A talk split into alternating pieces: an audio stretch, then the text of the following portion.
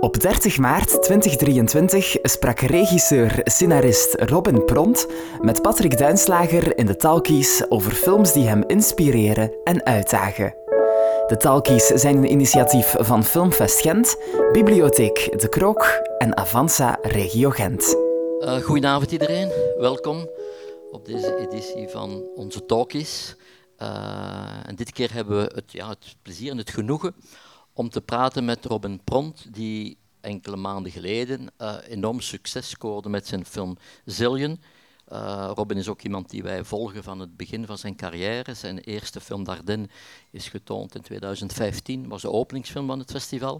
We hebben dan ook enkele jaren later uh, afleveringen getoond van de bende van Jan de Lichte. Jaren voordat dat nooit op televisie te zien was. um, en dan zie ik ook dat er de silencing, silencing heb ik nooit gezien. Dat is toch nog een film die je gemaakt hebt. En dan is er ook een, een tv-serie Lockdown dat je gemaakt hebt. Dat, is, dat, zijn... dat was tijdens corona. Um, ja, ja. ja, klopt. Dat is Eén aflevering, ah, één kortfilm, zoals het dan heet. Dat is zo kort samengevat. Ja. Maar vanavond zijn we natuurlijk om te praten over de, de, de favoriete films uh, van Robin, of de favorieten of de films die hem op een of andere manier toch wel zijn bijgebleven, uh, die voor hem iets te betekenen hebben, ook als filmmaker, denk ik.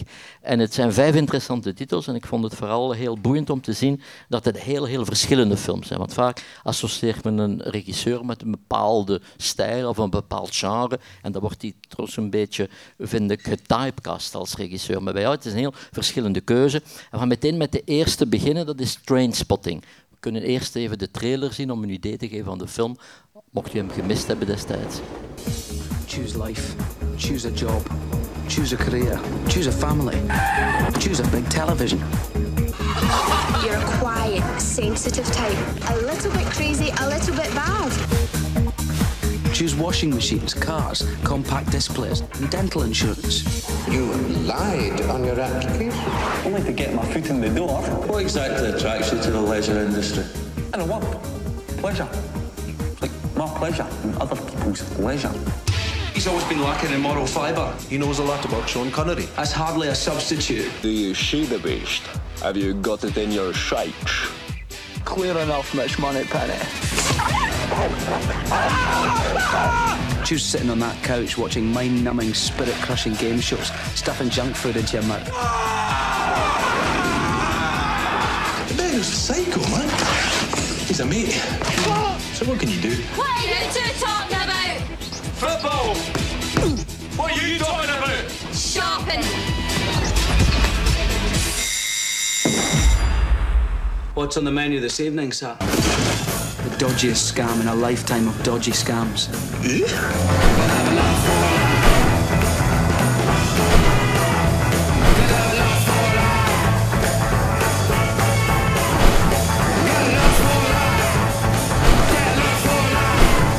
Choose leisure wear and matching luggage. Choose good health and a career. Choose your friends. Choose your future. Choose life.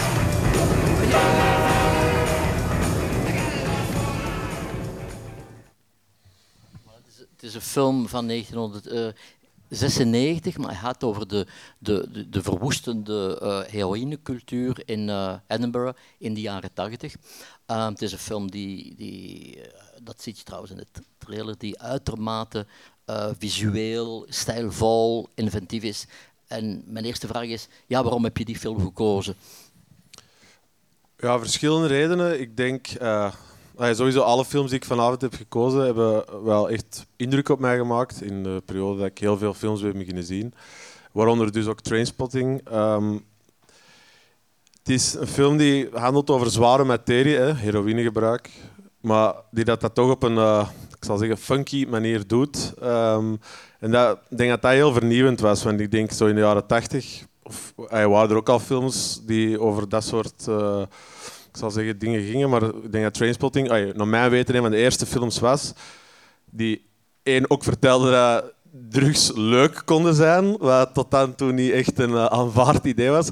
En dat dat ook, um, ja, ook verteld kon worden op een manier dat toch entertainend was en ik denk voor mij ook dat dat een Europese film was dat dat voor het eerst deed. Want hè, ze had die grote traditie aan Britse films natuurlijk. En dan denk ik aan, ik weet niet, namen zoals eh, pakweg Ken Loach of zo. Dat zo ja, ik vind heel straffe films, maar dat is, dat is vaak geen pretje om naar te kijken. En bij Trainspotting, dat is een film dat ik oneindig veel kan zien. En dat vond ik dan, voor mij heeft dat ja, wel veel betekend, omdat ik dan door had van je kunt films maken over zware onderwerpen, zonder dat die per se ja, super zwaar moeten zijn, die films. Trainspotting, ey, natuurlijk op het einde heb je wel een gevoel van, oef, wat heb ik nu gezien? Echt een trip. Maar je wilt die wel direct nog eens zien. En ja, dat, dat heeft mij ook wel echt gevormd als, als, als regisseur, denk ik. Wat je zegt was wel inderdaad eh, uniek, dat die film ook de, het aantrekkelijke van de drugs toont, terwijl dat vroeger bijna nooit getoond werd. Wat in feite niet heel juist is, want dan begrijpen mensen ook veel minder waarom wat drugs nu zo aantrekkelijk maakt. En ik, ik heb in de tijd in Cannes, heb ik toen, de film is in Cannes in première gegaan, had ik toen een interview met eh, de regisseur, Danny Boyle, en dat was voor hem ook heel belangrijk. En dat, maar dat werd hem ook door sommigen kwalijk genomen toen, omdat mensen die een beetje dat zeg, met oogkleppen die meteen zeggen, oh, het is een soort apologie voor de drugs en zo. Wat de film helemaal niet is, want denk als je de film gezien hebt, dat je toch wel even nadenkt. absoluut. En de, de film is ook eh, vermaard geworden, een beetje toch, door een aantal, laten we zeggen, schokkende scènes. Is dat ook iets wat je interesseert? Of wat je zegt, als filmmaker is dat toch iets wat ik mij moet op beroepen? Ik zal het even voor de mensen die het niet gezien hebben. Op een zeker moment is er een, een, een dode, in een hallucinatie is er een dode baby die langs het plafond plakt. Eh, eh, ja, eigenlijk op, op het plafond eh, zweeft. Een, ja, een dode baby. En dan is er ook nog ergens een scène, een droom ook, waar hoofdpersonage Ivan McGregor verdrinkt, bijna verdrinkt in het vuilste toilet uit Schotland. dus je kunt je inbeelden hoe dat moet zijn. Ja, sowieso inderdaad, die, die sequenties die, die zijn mij altijd bijgebleven. Eh, Ik denk ook het begin van die film, eh, ik heb het al een stuk gehoord, eh, de voice-over als het ware, over Choose Life. Dat is zo eh, redelijk iconisch.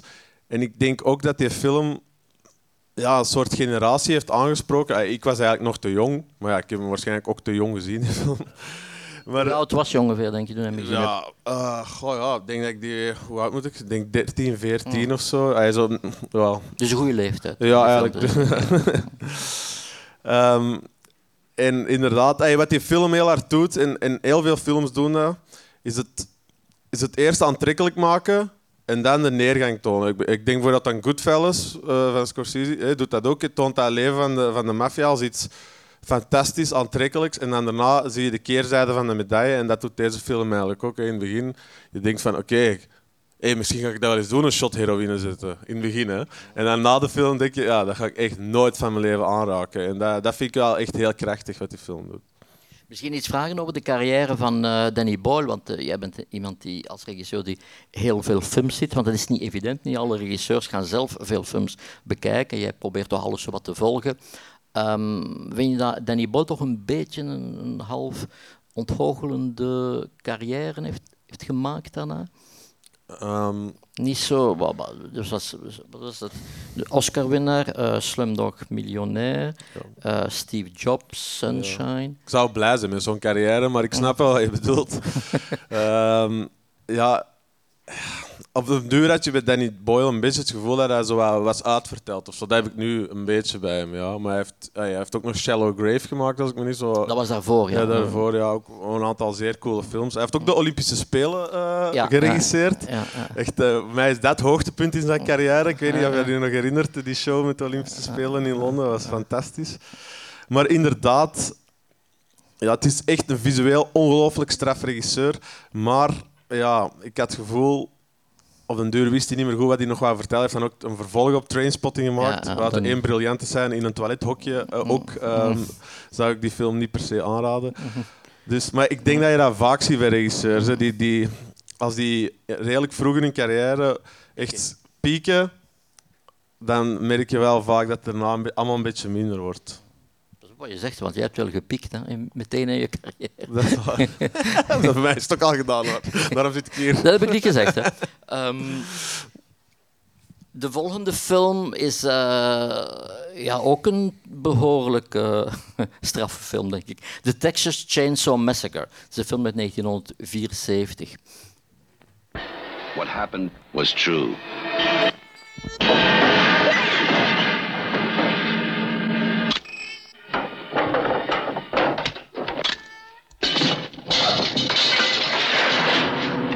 Most bizarre and brutal series of crimes in America.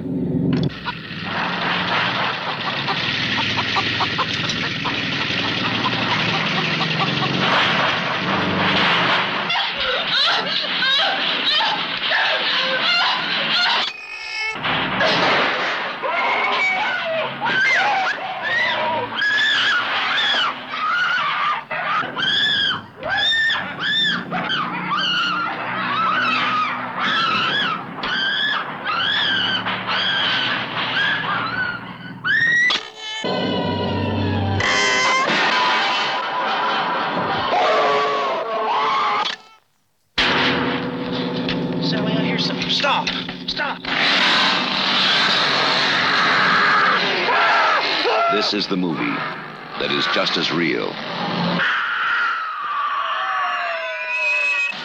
just as close,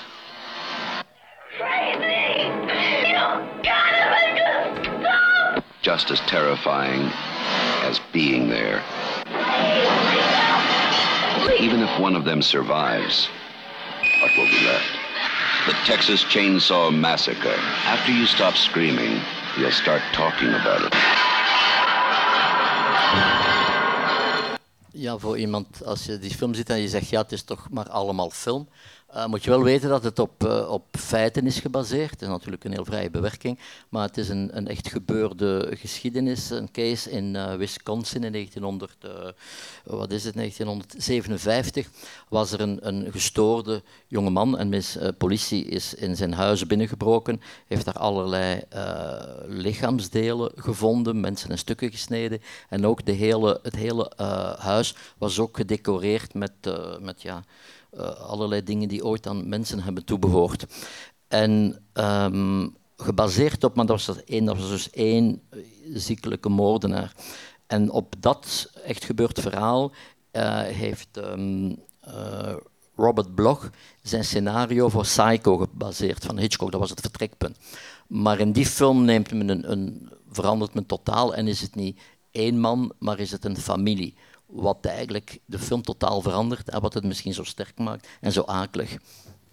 Ja, absoluut. Ik, uh, ik ben niet de man van de slashers of zo. Ik zie dat heel graag, ik zie mezelf dat niet snel maken. Maar deze film specifiek heb ik waarschijnlijk ook weer te vroeg gezien. maar um, ja, wat, uh, wat mij er heel hard bij is aan, aan bijgebleven, is dat je, je zit eigenlijk bijna naar een soort ay, snufffilm te zien, omdat die film zo echt lijkt. Er is een soort rauwheid in die film, ook door het gebrek aan budget, waardoor je echt... Ja, ik had het gevoel dat je zo keek naar een deel van Amerika dat nog, nog niet veel was blootgelegd eigenlijk. En dat, dat vond ik heel indrukwekkend. De, de film is in de jaren 70, neem ik aan. 74, denk ik. Ja, ja, ja, ja. Dus voor mij, ay, ik denk dat is wat een tijd van zo ja, de Godfathers en al die dingen en zo. En allemaal heel stylish New York zo in mijn hoofd. En dan opeens deze film waar je... Ah, ja, je moet echt douchen na die film. Zo dat gevoel heb je. En ja, ook qua spanning opbouwen, die personages en dat iconisch beeld als uh, Leatherface op het einde met zijn kettingzaag ligt te zwaaien met de flare van de zon. En ja, dat is echt um, op mijn... Uh, ja, heb ik, Netvlies. Ja, ja, netvlies gebrand. Ik heb er ook heel lang uh, een poster van gehad in mijn kamer, wat niet zo goed was als je uh, dan eens uh, een vriendin mee naar huis nam. maar voilà. Ja, nog goed dat je geen kettingzaag bij had. um, maar die... Um, die film is, toch even signaleren, die film is in 16 mm gedraaid. Het was heel goedkoop, dat was onder 60.000 dollar, terwijl een gemiddelde film toen al meer dan een miljoen dollar kostte. Dus het is ongelooflijk ook, en is dat iets wat je ook misschien interesseert als regisseur, hoe je met heel weinig middelen toch heel veel kunt doen, soms. Zeker, en soms maakt dat het ook net beter, want er zijn ontelbare voorbeelden van regisseurs die ook hun beste werk hebben gemaakt met heel weinig middelen, dan heel veel middelen kregen en dan is het uh, een beetje fout gelopen. Dat kun je eigenlijk ook zeggen, denk ik, voor uh, Toby Hooper, uh, die de regisseur is. Ja, want zijn volgende film was, was Poltergeist. Ja, dat was nog goed, hè? Ja, geproduceerd door Spielberg. Ja. Um, want die film zal minder bekend zijn, denk ik, bij het grote publiek. Mm -hmm. Het is een cultfilm, maar toch niet een film die, die, die, uh, die heel veel vertoond wordt. Het is een, uh, maar ik, ik moet ook zeggen, ik heb die film één keer gezien. Ik, ik vond het een ongelooflijke film. Uh, ik herinner me nog dat ik ook dacht toen nog dat die film uh, als je nu vraagt, is dat nu een goede film of een slechte film, dat dat eigenlijk bijna niet ter zake doet. Dat het gewoon een soort ervaring is, dat, dat je dat dingen in te zien krijgt die je nog nooit in een film had te zien gekregen. En dat ik gewoon de, de traditionele criteria van goed en slecht, dat dat wegvalt als je naar die film kijkt. En het is ook een unieke film, denk ik. De, man heeft nooit niks gedaan dat maar in de, in de buurt van, uh, van deze film wel, komt. Ik denk 100% akkoord. Dat is zo... Of dat, waarschijnlijk zijn er betere slashers gemaakt die beter zijn opgebouwd. En misschien, maar er is iets, ja, het heeft zo'n soort uh, lightning in a bottle gevoel bij die film. Dat zo alles ja, juist zat om, om, zo, om dat soort film te maken. En ze hebben dat nooit niet kunnen herhalen. En ik denk dat dat ook niet te herhalen valt. Gewoon de casting en, en de sfeer inderdaad door die 16... Alles heel, heel uniek, gewoon die film. Ja, net zoals uh, Danny Boyle heeft ook hij een, een uh, vervolg gemaakt ja. op de film, dat, dat denk ik zeer slecht was. Maar um, wat vind je dan? Dus de regisseur maakt zo'n film, dat is een enorm succes. Uh, en dan Spielberg, het is meteen duidelijk dat dat niet zijn type film is. Spielberg uh, die engageert dan die man om, um, om een volgende film te regisseren, Poltergeist, waar hij dan de producer van is. Vind je dat niet een heel rare keuze? Het is trouwens heel slecht. Uh, de, de slechte avontuur is zeer slecht afgelopen. Ja, ja, ja. Um, goh, ik, van wanneer is Jaws? Ook, 75. Uh, ja, oké. Okay, dus ik vermoed hè, dat dit is maar rond dezelfde tijd uitgekomen. Dus ik kan me wel voorstellen dat je ergens een geestesgenoot ziet in die man of zo. Als je zo, alle, dat alle twee zo op, op die, uh, ik zal zeggen, shock value speelt of zo. En ik, kan me wel voorstellen dat je denkt dat je dan met een, ook een unieke talenten te maken hebt. Maar inderdaad, dat soort film, dat, dat is natuurlijk... Ik kan me voorstellen dat je dan ook twijfelt, kan die dan naar een groter publiek kijken? Want Spielberg is natuurlijk de man die voor het grootst mogelijke publiek gaat. Bij dit soort filmen heb je niet direct het gevoel dat dat natuurlijk uh, van, uh, voor alle leeftijden is. Maar ben je bewust van de, de, de controverse die dan geweest is rond, rond, rond Poltergeist? Ah, nee, dan, rond het auteurschap. Ah ja, ik weet dat er, dat er, dat er, dat er oneenigheid of zo is. Of, of was. Want dus... Mensen weten eigenlijk nooit goed wie dat Poltergeist nu heeft geregisseerd. Er wordt dan gezegd Spielberg, maar het is dan hij, dus dat, dat weet ik wel. Maar... Well, Spielberg heeft, uh, was producer. Maar hij heeft ook zelf het idee nog gehad om het zelf te regisseren. Maar mensen rond hem hebben gezegd dat dat niet kon doen, dat dat niet paste, ook bij zijn imago. Dat is een andere regisseur. Maar voor die regisseur erbij kwam, was hij al zo met die film bezig. Hij was toen, heeft toen ook IT gedraaid. Hij heeft bijna die, twee films op hetzelfde moment geproduceerd. En dan is hij beginnen, wat hij altijd doet, is storyboards maken. Hij heeft van die film volledige storyboard. En dan heeft hij een regisseur gekozen, ook al omdat hij van de, hoe noemen dat, de, de, de vakbond van de regisseurs uh, laat niet toe dat een regisseur op hetzelfde moment twee films regisseert. Ja. Dus dat mocht niet. En dan, wat Spielberg eigenlijk wou, is dat hij gewoon die, die storyboard in film omzette. En dat dat matchte natuurlijk niet met iemand als uh, Toby Hooper, die gewoon niet uh, gewoon was om, om zo conventioneel. Uh, en dan is die film uiteindelijk uitgekomen en dat was volgens de manier dat Spielberg dat voor ogen had. En dan is men in de pers beginnen schrijven dat, dat Spielberg die film gemaakt heeft en niet Toby Hooper. En dan zijn er een Variety en andere Amerikaanse uh, tijdschriften enorme excuses verschenen in de vorm van gehuurde advertenties van de studio, van Spielberg zelf, dat de journalisten hem verkeerd begrepen hebben, dat, uh, dat, dat hij alleen producer was. Dus, dus je voelt dat er duidelijk een, een ja, probleem was. En ik heb Toby Hooper is een, paar, is een, een aantal jaar geleden in, naar Brussel geweest, naar het ja, festival, uh, Off-Screen Festival. Ja. En uh, hij, hij wou daar eigenlijk niet over praten. Dus ik denk ook dat dat voor een stuk zijn carrière uh, wel heeft kapot gemaakt. Want dat had een soort opstap moeten zijn naar een meer publieksgerichte film. En dat is er niet van gekomen. Dus het blijft een interessante regisseur. Heb je nog andere films van hem gezien? Want die heeft dan toch nog uh, dingen gemaakt die, uh, die, in het genre wel, uh, ja, wel ik interessant waren. denk ik bijna alle vervolgen heb gezien op de Texas Chainsaw ja. Massacre, maar hij heeft er niet allemaal geregistreerd. Nee, alleen de eerste vervolg, denk ik. ja, ja, ja, klopt. Heeft dan ook nog Stephen King verfilmd. Welk? Salem. Salem ah, Slot, nee, een tv-serie. Um, en en Life Force is nog een film van hem. En uh, Invaders from Mars. Dus, uh, maar nooit heeft hij eigenlijk uh, nog dat niveau of, of gebrek aan niveau gehaald. Dus nooit, en nooit meer zoiets korrelig en zoiets eigenlijk afstotelijk als deze film. Nu, de volgende film is dan wel een, moet ik zeggen, een, een gaan we plotseling toch naar een totaal ander type film. Uh, een beetje, hè, dat je zegt, hoe kan iemand dit kiezen? Maar dan ook The Sweet Hereafter is een, is een fantastische film uh, van Atom Ehoyan uit 1977. Ik ga nu misschien even kijken naar de trailer.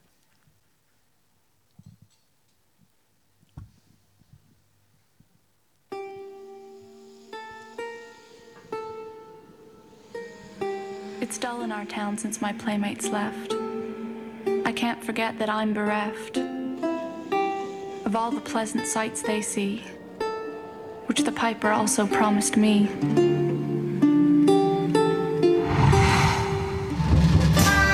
In a town where no one is a stranger, in a place where everyone feels like family. Something has happened that will change their lives forever. I'm really sorry to come over unannounced like this, but it is important that we talk. I'm a lawyer. Do you hear about the accident? As far as I'm concerned, there is no such thing as an accident. Oh, jeez. Now, one man must find the truth. We must begin our investigation quickly. Things get covered up. People lie. We're not country bumpkins you can put the big city hustle on. You're angry, Mr. Ansel. All I'm saying is, let me direct your rage. But who can you trust when everyone has a secret? No matter what I'm asked, I'll tell the truth. It's not going to be easy, Nicole. I won't lie. Who can you blame when no one is innocent? There's people pointing fingers and making side deals. We used to help each other because this was a community. Oh God, I'm scared. You leave the people of this town alone. You can't help. You can help each other.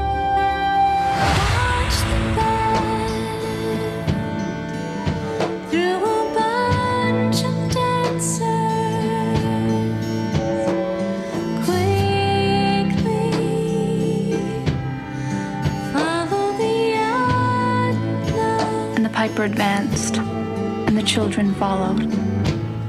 They were all citizens of a different town now, a town of people living in the sweet hereafter. From acclaimed director Adam Agoyan. The Sweet Hereafter.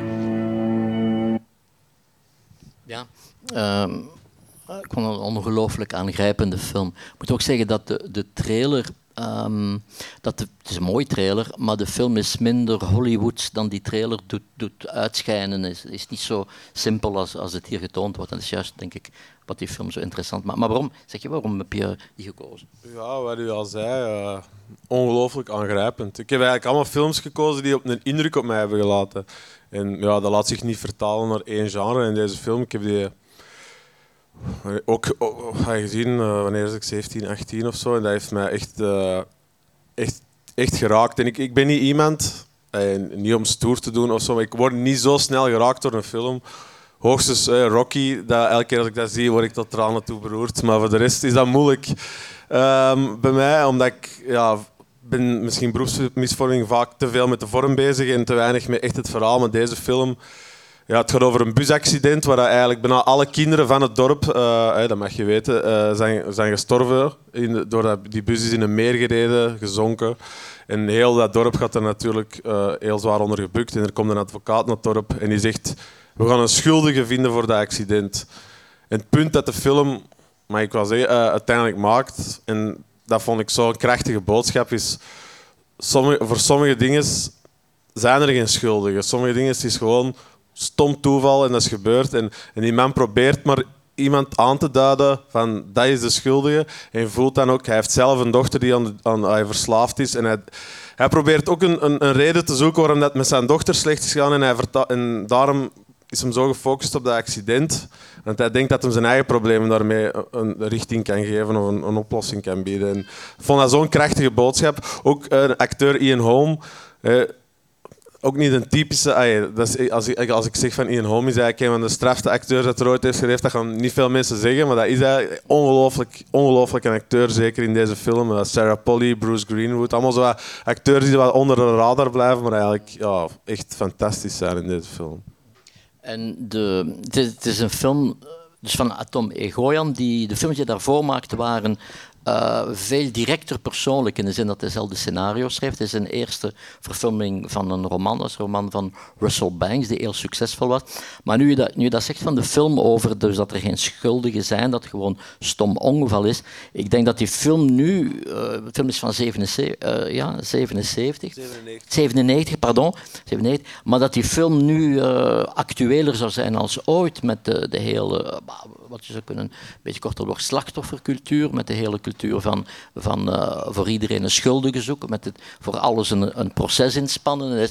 En die film doet dat over dingen die zo, uh, uh, laat zeggen, zo delicaat zijn dat je eigenlijk als je naar die film kijkt, is, het is heel, je zit daar met heel gemengde gevoelens naar te kijken, omdat het, omdat het de film zou, van hetzelfde onderwerp zou je echt een soort exploitation film kunnen maken. En dat is dus absoluut niet geworden. Nee, absoluut niet. Het is... Um het is echt een Ik kan hem echt aanraden. Als je er nog niet van hebt gehoord of nog niet hebt gezien, om die film echt eens te zien. Je zei de Jan Holm, mensen hebben hem misschien gezien. Uh, en dat vergeet je niet licht. Hij speelt dus ook in Alien. En hij is eigenlijk uh, degene die op zeker moment uh, in, ja, in twee breekt. En dat je ziet dat hij eigenlijk geen mens is, maar een, een soort robot. Dus dat is eigenlijk ja. misschien de bekendste scène van Ian Holm. Bilbo Baggins in Lord of the Rings ook. Hè? Ja, ja, ja. ja. ja.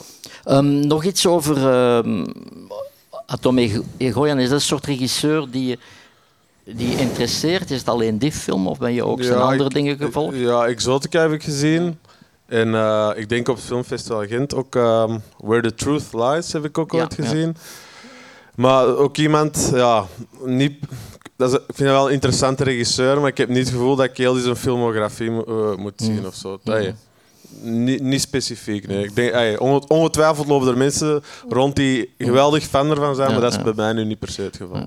Dit is in ieder geval toch zijn film die het meest succes gehad heeft, waar hij denk ik ook het, het breedste publiek heeft uh, met bereikt. Uh, de volgende film is Good Time, uh, de film uit 2017.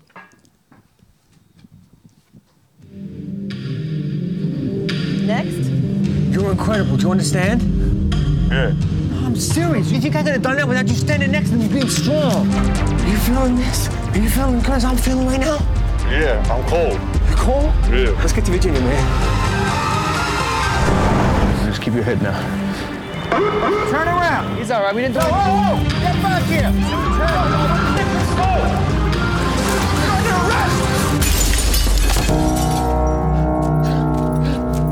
I told you about my brother, yeah? Something happened. I don't know exactly what. He's been arrested. He's being held at Rikers Island. Love. Oh my God, that's awful. Make me clean. Just gotta get him out of there before something bad happens. He could get killed in there. The pure always act from love. Damned always act. You need another 10 grand. You get another 10 grand, your brother will get out. The truth is an act of love. I think something very important is happening and it's deeply connected to my purpose. Every day I think about untwisting and untangling these strings I'm in to lead a pure life. Look ahead in a clear sky. I ain't gonna get there. It's a nice dream. It's a nice dream.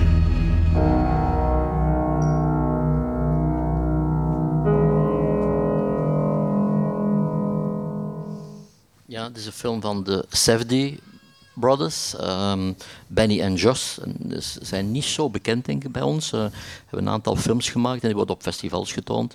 Um, nu wou ik even weten, van de vijf films die, die je gekozen hebt, vond ik dit de film waarvan ik het best kan begrijpen dat je daar zelf als filmmaker eh, iets van geleerd hebt. Dat, dat de regisseur van Zillion Ja. die film goed bekeken heeft. Ja, zeker. De- ai, Als ik kijk naar mijn lijstje films, de meeste zijn eh, ja, 70, eh, 80, 90.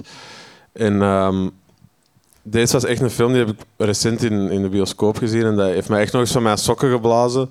En dat gebeurt niet meer veel. Eh, omdat wat ik zei, omdat ik eh, zelf regisseur ben van beroep, kijk je gewoon op een andere manier naar films. Veel analytischer.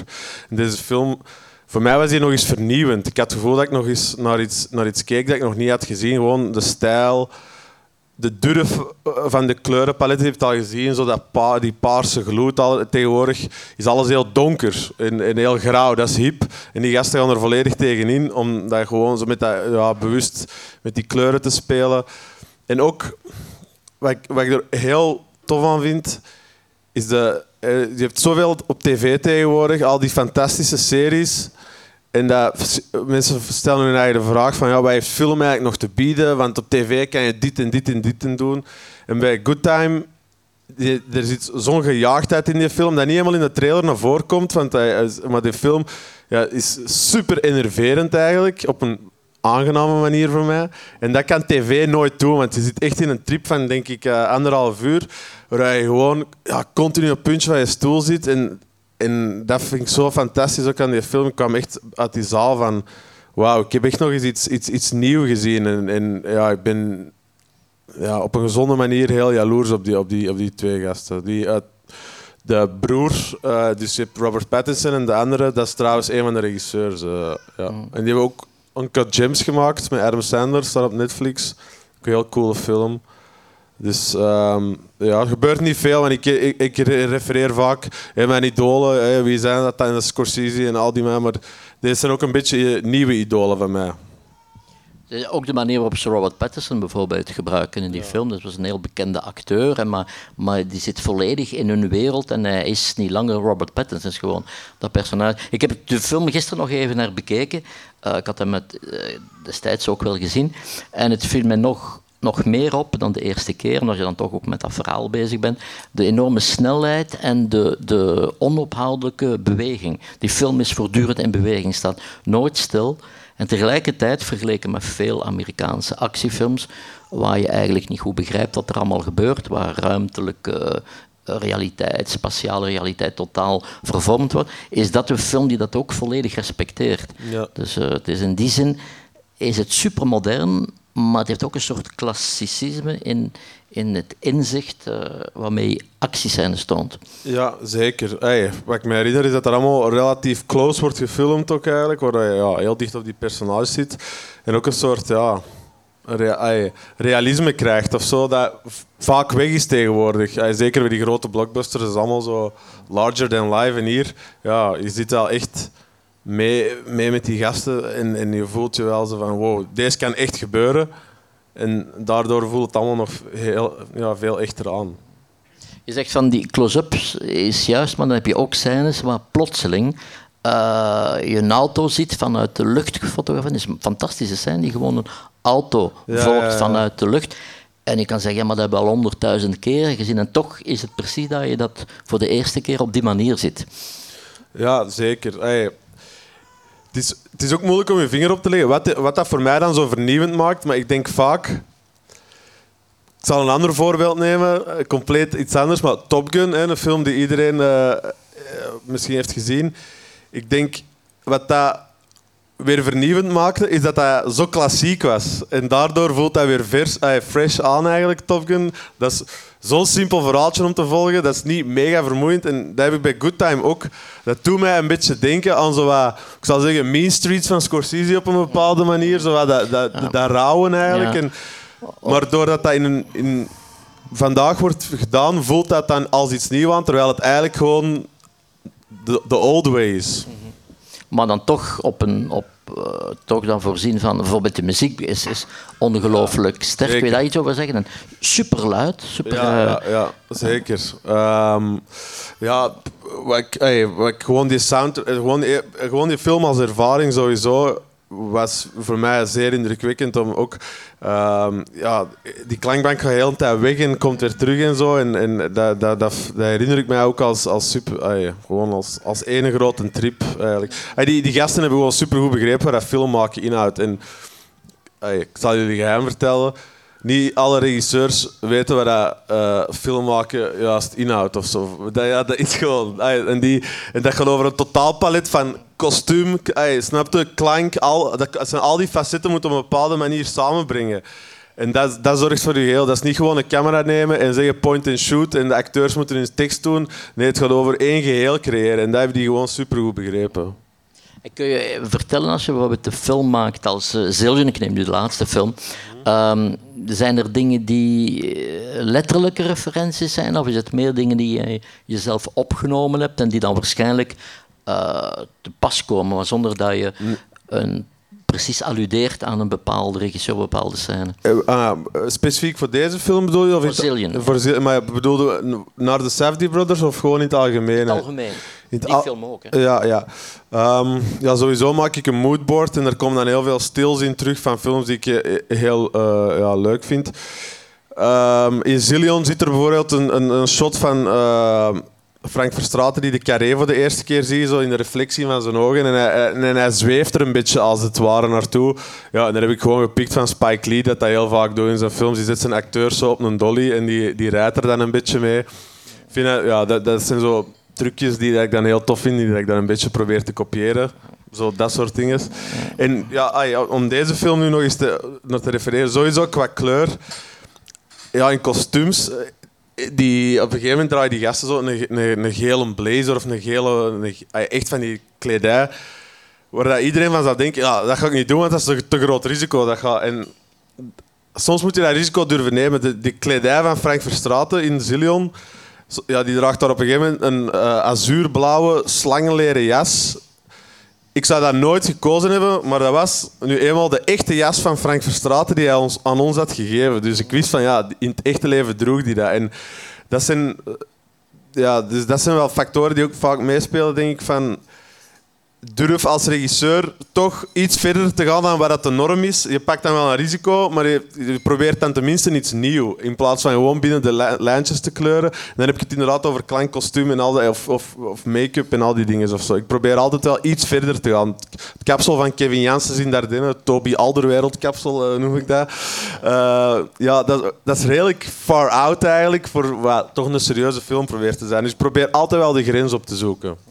En heb je eh, mensen met wie je daarover praat en die, kun, die eventueel afremmen of zo, producers, of, of eh, Eh, neem je daar je volledige vrijheid in? Ja, ik- heb, een, ik heb twee mensen die ik heel, ah een mening heel hard waardeer. Dat is mijn DP, Robert Heijvaart, waar ik altijd mee werk. Ja, ah ja, we zijn heel goede vrienden en we hebben wel dezelfde smaak. En dan ook mijn art director, Geert Paradis, is ook een, een heel eigenzinnig man met een zeer eigenzinnige mening ook. Waar ik ook wel op een andere manier een heel goede relatie heb. Als ik iets zeg, dan lacht hij mij gewoon uit. Dan zegt hij dat trekt op niks. En, eh, ja, voilà. Dus, eh, voilà. dus dat is een beetje onze relatie. Die twee mensen, die hun mening vertrouw ik eh, heel hard. Ja. Ehm, in die film ook, om nog even bij die film te blijven. eh, het geluid is een ongelooflijk belangrijk in die film. Je hebt eigenlijk het gevoel dat er een soort een extra film gecreëerd wordt met geluid. Is dit zo wat je in je films ook doet? Hè? Waar, eh, Ja, waar je klopt, meer nog dan...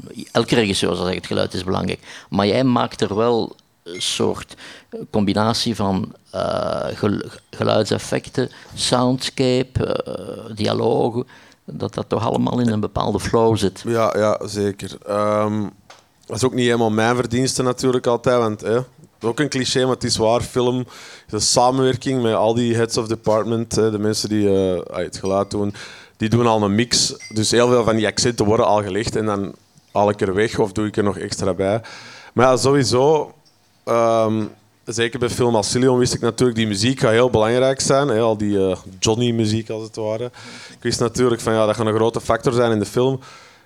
Maar dat was dan natuurlijk ook de balans zoeken van dat het niet too much werd. En ook bijvoorbeeld de score in Zillion, dat is, ehm, dat is ehm, ja, ook gedaan door iemand eh, waar ik van wist. Ik moest iemand vinden die ehm, ehm, het een beetje tegengewicht kon bieden aan aan al die, al die harde house muziek en alles en zo. Dus dan was dat ook een heel... moest ik goed nadenken, want ik had eerst iemand anders... Ik zal je een geheim vertellen. Iemand anders ingehuurd voor de score. En dat was compleet... Ondanks dat ik die richtlijnen had gegeven van ik wil dat zo, was dat toch niet waar ik zocht. En dan ben ik eigenlijk naar iemand anders moeten gaan, zijn de Bert van Goes. Omdat ik wist, ik had met hem de kortfilm gedaan, Lockdown. eh, en die had, dat was van de eerste keer juist. En ik had niet meer veel tijd, dus ben ik naar Bert gegaan van Goes. Ik heb gezegd van ja, kan jij eens iets proberen? En die heeft toen de soundtrack van, van Zillion eigenlijk bijna op een week geschreven. Van, ey, echt ook ongelooflijk talent. Over scores gesproken. De volgende film heeft ook wel een talentvolle componist, denk ik. eh, Amadeus eh, van Milos Forman, film van 1984.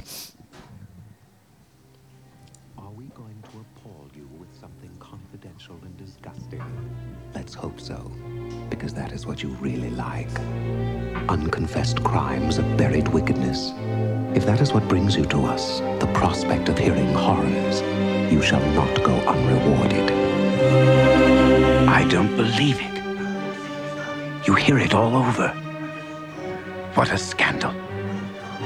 What a tragedy. I don't believe it. What horrors have you heard? Tell us. Tell us about Wolfgang. Mozart. Mozart? How good is he, this Mozart? He's remarkable. Is an unprincipled, spoiled, conceited brat. I'm a vulgar man. But I assure you, my music is not.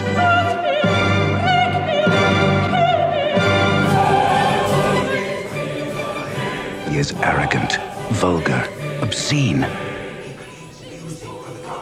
He is passionate. He is an angel. Claimed he'd been poisoned. Some said the man was Salieri. Salieri. All the same, did Salieri do it after all?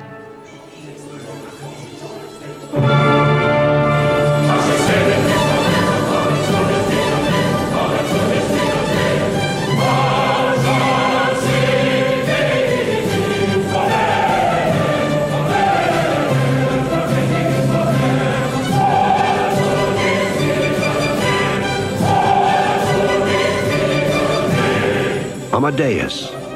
The man, the music, the magic, the madness, the murder, the mystery, the motion picture.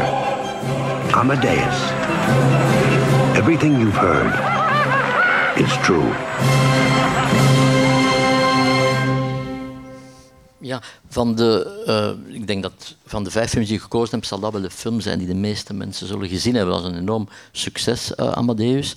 Ehm, ik vond het van de vijf films een beetje voor mij een bevreemde keuze, dacht ik, omdat ik die film, ondanks al zijn kwaliteiten, toch ook zo'n beetje kunt beschouwen als een chique cinema die eh, middle, middle of the road en ook een beetje die aan het publiek een cultureel alibi geeft om naar de cinema te gaan. Maar dat is een beetje, speel ik advocaat van de duivel.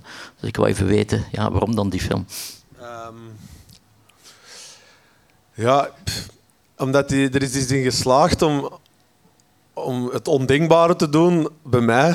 Namelijk dat ik helemaal gek was van klassieke muziek op een gegeven moment. En dat, die film, ik vond dat zo'n ervaring omdat ik eindelijk snapte wat dat zo geniaal maakte. En ik, als ik dat gewoon luisterde, klassiek, mijn grootvader zei dat was op, het enorm saai. Ik dacht, wie luistert, wie luistert er in godsnaam? En door de kracht van cinema en door die acteurs en die personages, snapte ik opeens van hoe virtuoos en hoe geniaal dat, dat was. En ja, op, op dat moment heeft die film dan ook wel een hele grote indruk op mij gelaten. Gewoon dat ik, ja, dat herinnerde mij er ook weer aan wat een krachtig medium dat cinema kan zijn eigenlijk. Omdat, ik snap, het is ook een film, Mozart wordt een beetje afgeschilderd als een soort, eh, zal zeggen, rockster, altijd een verwaande rockster. En ja, dat, dat maakt dat gewoon voor mij subliem op de manier hoe dat hij erin in om een beetje stoffige materie op het eerste zicht toch ja, voor mij behapbaar te maken. Hey, dat is één, één aspect. En een ander aspect wat ik heel interessant vind aan die film, dat wordt verteld vanuit het eh, perspectief van Salieri. En die, die man is eigenlijk ja, eenmaal verteerd door jaloezie op iemand dat beter is als hem, getalenteerder is als hem. En die, hij heeft die gave gekregen en hij snapt niet waarom dat zo'n verwaande ja, snuiter die, dat, dat net zo, allemaal zo goed kan. En sorry, maar dat is soms een beetje herkenbaar. En ja, ik, kan, ik kan ook kijken naar mensen en denken van, ah, damn, waar dat ik dat kon. En, en, en ik, zal nu ik, ik kan even een voorbeeld nemen, dat is niet vergelijkbaar. Pak nu iemand, eh, Lucas Dont, ik ben daar soms jaloers op, omdat hij... En maar jaloers op een gezonde manier, omdat hij erin slaagt om ja, zo, zo, zo kwetsbaar te zijn en dat zich te vertalen als een film, wat ik zelf nooit zal kunnen, denk ik. Omdat dat voor mij, ja, dat is te persoonlijk. En die slaagt erin om iets super persoonlijk naar een groot scherm te brengen. Ik vind dat heel moeilijk, omdat ik denk, ah, ik weet niet of ik dat wil blootleggen of dat ik dat kan. Dus dat is bijvoorbeeld ja, gewoon super eh, herkenbaar voor mij. Dat je wel naar mensen kunt kijken en denken van... Ah, wauw. En, en, en ja, Salieri is dan natuurlijk in de overtreffende trap, want hij vergiftigt hem. Dat zou ik bij Lucas nooit doen, geloof me. Maar eh, ehm, gewoon dat als artiest jaloers kunnen zijn of een beetje op iemand, dat is, dat is, voor mij was dat heel herkenbaar. Want die Salieri, inderdaad, die, die super jaloers is. Maar wat er mooi is, interessant in de film, is dat hij natuurlijk in het drama, eh, want het was eerst een, een toneelstuk, is dat hij, eh, ondanks die jaloersheid, ook ontroerd wordt door de schoonheid van de muziek. Dus het is een, een, in die zin is het een positieve jaloersheid. Ja. In de zin van, het is een jaloersheid van kan dat ook Nee. en die heeft, heeft minder talent. Maar het is, een- het is een... eh, Ja. en men, men zei ook dat in feite de film ook een soort conflict is tussen hem...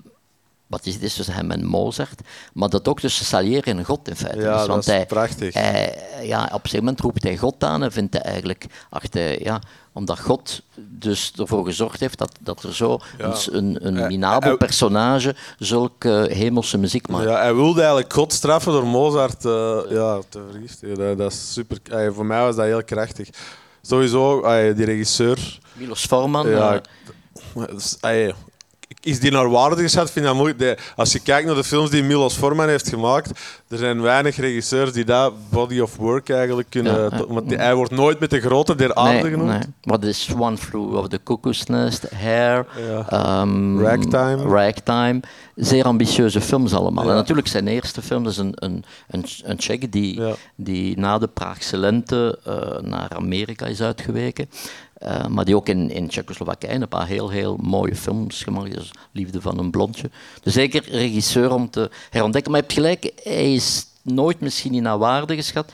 En dat kan een reden zijn ook, want vaak heb je in de film, dat is jammer, als mensen soms te commercieel worden, dan, dan, dan, blijft, dan is er toch zoiets van, het kan niet zo goed zijn omdat er zoveel volk komt naar kijken. Ja, dat, dat- is een onderliggende eh, mentaliteit soms. Dat en ik denk dat hij ook een beetje de pech heeft dat zijn films niet super herkenbaar zijn. Eh, Een Milos Forman shot zul je niet snel kunnen zeggen. En eh, ik denk dat dat ook een beetje meespeelt bij hem. Ja, ja. En wat vond je van de mise en scène hier? De, want het is natuurlijk een enorm briljante film in, in reconstructie van, eh, ja, van de 17e eeuw. Ja, dat is zo ongelooflijk. Maar ik denk het krachtigste voor mij zit hem in, in ja, die muziek, hoe dat hij erin slaagt om zo dat, dat requiem van, eh, van, Mozart op het einde, hoe dat, binnenkomt. En ja, zo met simpele dingen. Ja, wat, je, wat je zei, ja, Salieri op een gegeven moment... als enige op een gegeven moment nog zie hoe briljant dat die, dat die muziek is. Want de rest... Mo- Mozart is op een gegeven moment al passé eigenlijk. Terwijl hij eigenlijk nog snapt van... Nee, dat is geniaal, maar jullie zien het gewoon niet. En dat, dat vind ik zo aan die film. Maar sowieso, ja, die, de, de, de art direction in die film en zo is ongelooflijk goed gedaan. Hij- De film, ook als je hem nu nog eens ziet, hij, hij, hij houdt nog altijd stand, vind ik. Een kleine correctie, het is de, uiteraard de 18e eeuw. eh, eh, 1791 is Mozart gestorven. Maar, eh, eh, en die twee acteurs, wat merkwaardig is, dat die, die twee acteurs zijn schitterend. Je kan je moeilijk andere mensen inbeelden in die rol.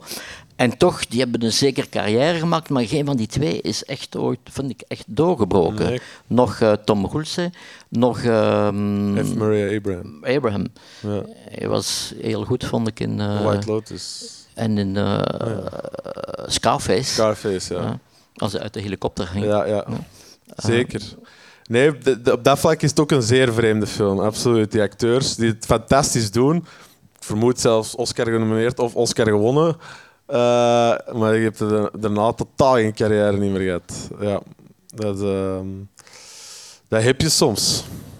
Ehm, je hebt nu drie, eh, enfin, een aantal films hier in België gemaakt, ook een, een serie in, in Engeland of eh, een Nee, nee, aflevering? Nee? nee, nee, nee, een film in Engeland. Een Eh, film in Engeland, een film in Canada eigenlijk. Ja, ja, In ja. Canada. Ehm, die lokgroep van, eh, van Amerika, speelt dat voor jou? Is dat iets, eh, Ehm, want jij maakt wel het type film, dat ik kan zeggen, die, die wel zou kunnen Ja. in Amerika gemaakt Ja. worden. Ja, ja maar ey, oh, ik heb er een film gemaakt en ik, ey, ik heb er al genoeg over verteld, maar dat was een beetje een eh, soort experiment dat mij niet 100% goed is bevallen. Ondanks alle, alles dat je altijd zegt van oké, het komt wel in orde, was dat een beetje om duur, waren er zoveel problemen.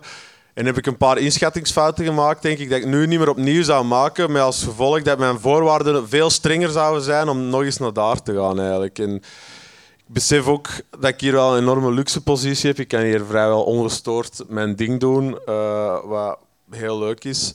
Maar anderzijds, ik weet als die trein nog eens passeert, dan gaat het heel moeilijk zijn om er weer niet terug op te springen eigenlijk. Maar ik, zou het wel allemaal een beetje anders aanpakken. Ja. Maar het is niet dat dat jeugddroom was van jou. Het is, Ehm, films maken was een Ja, dat wel. Maar ja, zoals Adil en Bilal bijvoorbeeld, eh, Bad, Bad Boys of zo, dat is, dat is nooit mijn droom geweest. Nee. Voor hun wel, dus dat is fantastisch dat ze dat doen. Maar zo een, fra- een franchise of zo, nee, dat zegt me iets minder. Maar ik wil wel op zo hoog mogelijk, ik wil zien waar mijn limieten liggen. Dat, dat, dat zit gewoon in mij. En dat is, ja, dat, mijn limieten, ja, die wil je gaan opzoeken daar natuurlijk. Dus ik hoop natuurlijk ooit wel daar een film te maken met, ja, met de groten der aarde. Maar ik weet ook dat dat heel veel, extreem veel stress met zich meebrengt. Dus ehm, ik ga zien eh, op, al- als, als het gebeurt, dat ik me in ieder geval wel goed voor, voor ben bereid. Ja. Je hebt ook een, een, een serie gemaakt. Eh, die, die, zoals ik zei, we hebben daar geloof ik twee, het festival Ja. daar twee ehm, eh, episodes van getoond. Maar die is dan heel laat op televisie. Wat is, hij- kun je daar iets over vertellen? Ik bedoel, wat, wat was jouw ervaring? Was dat een, vo- volledige bevredigde ervaring voor dit, Hey. in dit format te werken? Nee, eh, Dus de bende van Jan de Ja, Lichten. hè, klopt. Ehm, ja, in het kort kan ik zeggen, met al mijn ervaringen die ik nu heb opgedaan, hoe lang ben ik nu bezig? Ik denk, twee, ah ja, pakt ongeveer tien jaar. Dat ik eigenlijk alleen maar oprecht gelukkig word van dingen, van eigenlijk van nul te bedenken, het scenario te schrijven, wat ik echt geen leuke bezigheid vind trouwens, maar ik moet het doen. En, en dan die film te maken, een film en dat dan op een, op publiek loslaten. Dat, dat is een soort creatief proces dat mij 100% voldoening geeft. En alles wat daarvan afwijkt, zijn de episodes op tv of in opdracht een film maken. Ja, dat is heel veel gedoe, heel veel stress en ik krijg er toch, ik haal er iets te weinig voldoening uit. Dus mm, ik zeg nooit nooit, maar ik zou, ik zou dat toch allemaal niet meer zo snel doen. hè. Maar is het interessant om op dat, om dat vlak dan, dat je zegt, ja, ik haal er niet die voldoening uit, maar het is interessant om mijn, vak, om mijn vakkennis te, te, eh, uit te breiden of te... Ja, Niet dat, is, niet dat zeggen ze altijd, maar dat is zo'n cliché. Ik weet niet of dat waar is eigenlijk. Ehm, mm, pff, ja, voor mij niet. Nee. nee. nee ik, ik, ik, ik denk dat is voor iedereen anders, maar ik, ik, ik zou nooit zo. Ja, als er, ik, voel, ik voel mij raar genoeg, want ik probeer commerciële cinema te maken. fil- Films waar een groot publiek naar komt. Eh, Zillion heeft heel veel toeschouwers naar de cinema gelokt, waar ik heel dankbaar ben. Dus dat ben ik enerzijds. Maar anderzijds ben ik ook iemand die zich ja, auteur voelt. En, en het gevoel heeft van ja, ik wil toch iets van mezelf in die film steken. En bij tv is dat gewoon moeilijk, omdat je één, minder tijd hebt. Twee, het vaak scenario's zijn van iemand anders. En drie, laten we heel eerlijk zijn. Ik hoop dat er geen producenten in de zaal zitten, waar dat er gewoon minder ziel in zit in tv. En dat, specifiek bij Jan de Lichte, eigenlijk op een duur een beetje het gevoel van wie wil deze, van alle mensen, alle producers die er zijn, wie wil, wie wil dat nu nog echt graag maken hier op de set? Want ik wist het gewoon een duur niet meer. En ehm, dat is wel echt belangrijk, denk ik. Want film, tv kost zoveel geld, zoveel tijd, mensen die hun hart en ziel erin steken.